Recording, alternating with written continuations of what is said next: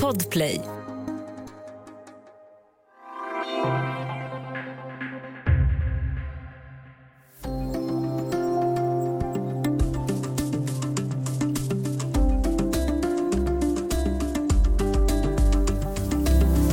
I land efter land händer det. Alla verkar tro att just de har klarat sig undan pandemin. Tills den exponentiella ökningen tar ut sin rätt. I Sverige, där trodde inte Folkhälsomyndigheten på en andra våg långt efter att vågen var över oss. Och i Indien, ja, där trodde de att de hade besegrat covid. Och nu ligger folk och dör i massor för att det inte finns nog med syrgas. Vi ska prata om den största pågående covidkatastrofen just nu. Vi ska prata om Indien. Välkommen till Studio DN. Jag heter Augustin Erba.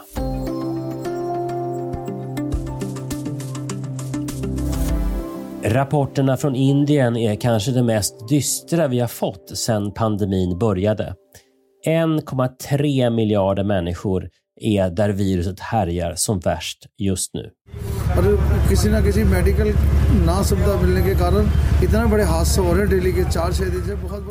Det här var Vinod Kumar, invånare i New Delhi. Eh, 27 april så sa han så många dör för att de bara inte får tillgång till den mest grundläggande vård.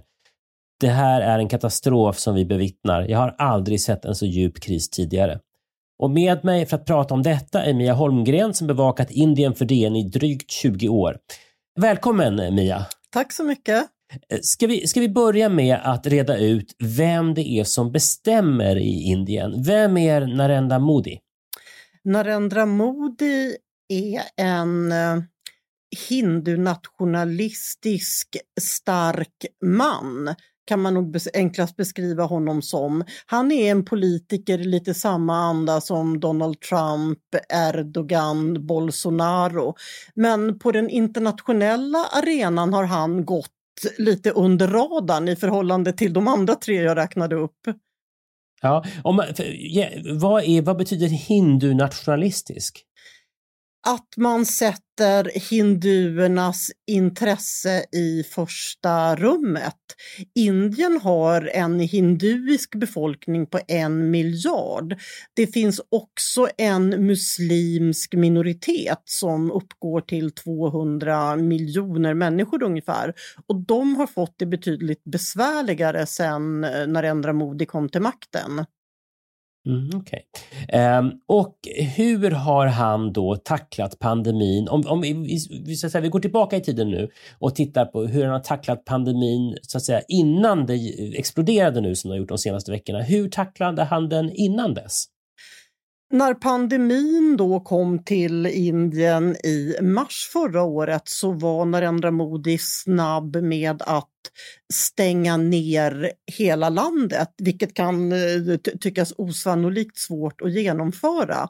Men Indien hade en, eh, en, en hård nedstängning som förlängdes i olika omgångar och som bland annat fick till följd av att sådana här fattiga migrantarbetare från, eh, som är i de stora städerna för att tjäna pengar. De, deras eh, arbeten försvann ju över en natt och då började de eh, gå i många fall mot, mot sina hembyar vilket fick eh, konsekvens, svåra konsekvenser för dem personligen men också bidrog till ökad smittspridning. Sen länge så var Indien ett eh, det, det, gick förbryllande bra i Indien. Alltså smittspridningen, smittspridningen var låg och länge hade Indien ungefär lika många döda som, som Sverige hade, vilket så här användes i internationella jämförelser. Sen så blev det en, eh, en ordentlig våg, eh, eller en ordentlig smitttopp i september förra året med med ungefär 80 000 bekräftade fall varje dygn. Och sen så avtog det där ganska snabbt och då runt, eh, runt jul och nyår när, det var, när läget var väldigt besvärligt i, i stora delar av världen. Då var Indien nere på 10 till 15 000 fall per dygn och sen en bit in på våren då så, så, så sa man att man nu har vi besegrat pandemin. Men det var ju då, har ju visat sig vara en förhastad slutsats. Det här är så, jag tycker att det här är så oerhört intressant därför att vi i, i, hela tiden när det gäller den här pandemin så, så, så visar det sig att något land har, har, klarat sig lite längre eller lite bättre och så, då börjar alla de här teorierna och jag vet ju att en av teorierna kring, kring Indien, alltså det har funnits så många, men om jag bara ska nämna några stycken så en av teorierna är ju att, att Indien Eh, redan var så hårt drabbade av pandemin men att det inte hade märkts eftersom Indien har en sån ung befolkning. Eh, jag tror att genoms, genoms, medelåldern i Indien är väl så typ 25 år, något sånt där, väldigt mycket yngre än, än, än, än, än i Sverige. Eh, och att det var därför, eftersom unga inte blir lika sjuka, så fanns det någon slags bild av att ja, men då kanske den här redan har svept igenom befolkningen och, så, och sen är det klart. Um, det är bara en av de många teorier som har funnits då. Um, men när då det visade sig att det gick så bra för Indien uh, och smitttalen då, när du säger då 15 000 fall om dagen så är det ju naturligtvis då, då måste man komma ihåg att 15 000 på 1,3 miljarder invånare. Så. Sen är det väl, Ehm, jag vet inte hur, hur bra är de på att, eh, Folkhälsomyndigheten brukar ju alltid säga att vi i Sverige mäter ju så exakt. Hur, hur, hur bra mäter de i Indien tror du, de här, hur, hur, de här siffrorna? inte särskilt bra. Alltså, eh, provtagningen fungerar i eh, stora städer, framförallt i Bombay. Så internationella forskare som gör antaganden om Indien, de brukar utgå från, från statistiken i Bombay och delstaten Maharashtra och sen försöka föra över på, på resten av landet. Men alltså i många fall på landsort så förekommer det ingen provtagning överhuvudtaget. Så att man kan anta att mörkertalet är mycket, mycket större i Indien än vad det är i vår del av världen. Mm. En, en av de sakerna som då, när då Indien eh, hade kommit ner i, i smitttal, eh, då var det dags för ett gäng evenemang, Mia. Kan du berätta om vad, vad, vad, vad de gjorde? Ja, dels så hölls det ju eh, delstatsval, alltså som då innebar valmöten med eh, många, många tusen deltagare. Och sen en religiös festival som man valde att inte ställa in och där handlade det om tiotals miljoner deltagare. Det började spelas cricket Läcket igen med, med eh, mycket folk på läktarna. Så att man, man, man börjar återgå till ett normalt, eh, eh, till ett normalt liv. Mm. Och det har nu visat sig eh, sammanfalla med att eh, smittan i, i Indien nu är katastrofal. Efter pausen ska vi prata mer om hur covid-19 sprids i Indien och så ska vi prata om det som och det här är en felaktig beteckning vill jag ändå bara säga, men det som kallas för den indiska dubbelmutationen. Vi hörs strax.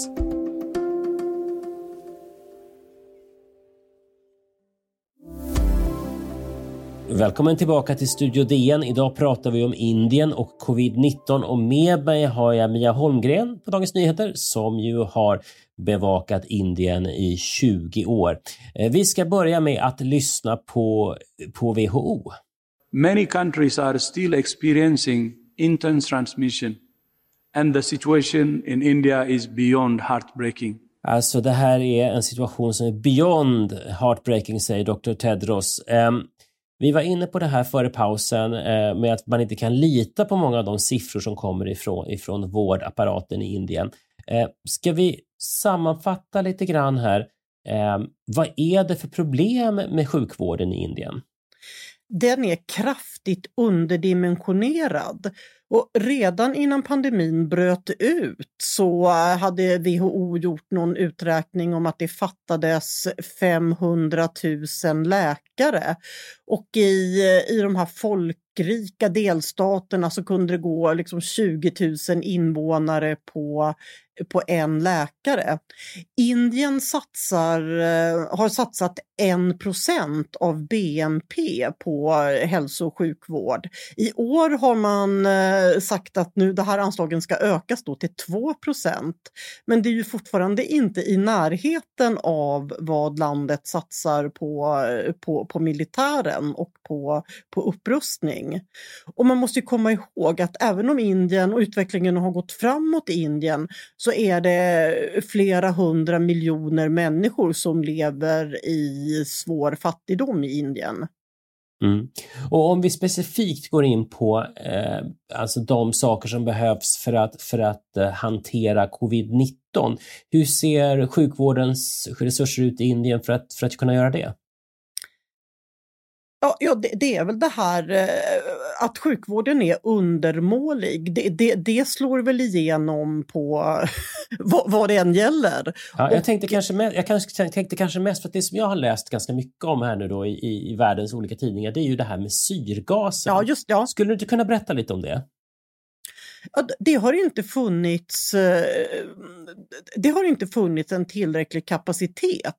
Och då har, när man då har fått veta det, när den nyheten sprids, då börjar, ju, då börjar sjukhus att bunkra, då börjar privatpersoner att bunkra, vilket då leder till en, vilket leder till en ändå större brist. Så, att, så här har ju Indien då fått gå ut och be omvärlden om skyndsam hjälp. Och det ska man komma ihåg att Indien är ett sånt land när, när, det, gäller, när det gäller att ta emot bistånd. Så man, Indien tackar konsekvent nej till hjälp från omvärlden för att man säger att ja, men vi, är, vi, är ett, vi är en stormakt och det här problemen klarar vi själva. Men i det här fallet har man alltså gått ut och vädjat till omvärlden vilket säger en del om den här katastrofens omfattning. Mm. Ja, men jag, har sett, jag har sett bilder på, på både på något flygplan som flög in syrgas in i Indien eh, från, eh, från eh, om det, nu kommer jag inte ihåg om det var Singapore eller om det var ja, något, något land som skickade syrgas. Så. Och sen har jag också sett hur syrgastunnor eh, transporteras in i sjukhusen med, med hjälp av militären. Så att, så att eh, det här är ju verkligen någonting som har blivit en akut brist i Indien eh, och vi vet ju från Sverige att just syrgasen är ju ett väldigt effektivt sätt att, liksom, att bromsa sjukdomen i ett kritiskt skede så att, så att man får chans att återhämta sig. Så det här är ju väldigt allvarligt förstås eh, för Indiens sjukvård. Um, om man tittar på antalet döda per capita då i Indien så är det ju fortfarande mycket, mycket färre än antalet som har dött per capita i Sverige. Varför är det så, tror du, så här långt i alla fall? Där tror jag att den unga befolkningen spelar en väldigt stor roll. För om man, tittar på, om man tittar på vilka som har avlidit i Sverige så är det ju till väldigt stor del personer över 80 år. I Indien är halva befolkningen under 25 år. Och eh, om det är så att äldre blir sjukare så är inte den gruppen alls lika stor i Indien som i, i Sverige och i, och i Europa.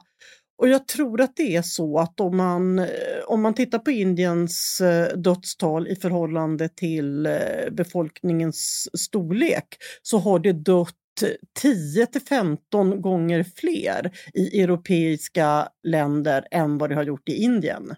Mm. Um, alltså, eh, Indiens premiärminister som vi pratade om då, Modi, som vi pratade om precis före pausen, eh, han, han, eh, har ju då precis som Donald Trump och liksom Brasiliens Bolsonaro och, och till en början också Boris Johnson i ett visst läge då spelat ner viruset som, som vi pratade om före pausen. Eh, det här med att man ordnade festivaler och delstatsval och allt möjligt. Ehm, vad tror du att det här kommer få för politiska konsekvenser för Modi?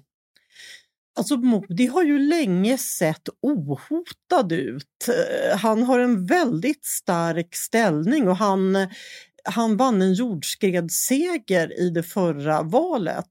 Alltså det som händer nu skakar ju om landet på ett sätt som, eh, som inte har skett på, eh, på många, många år. Så att naturligtvis kan det få politiska konsekvenser.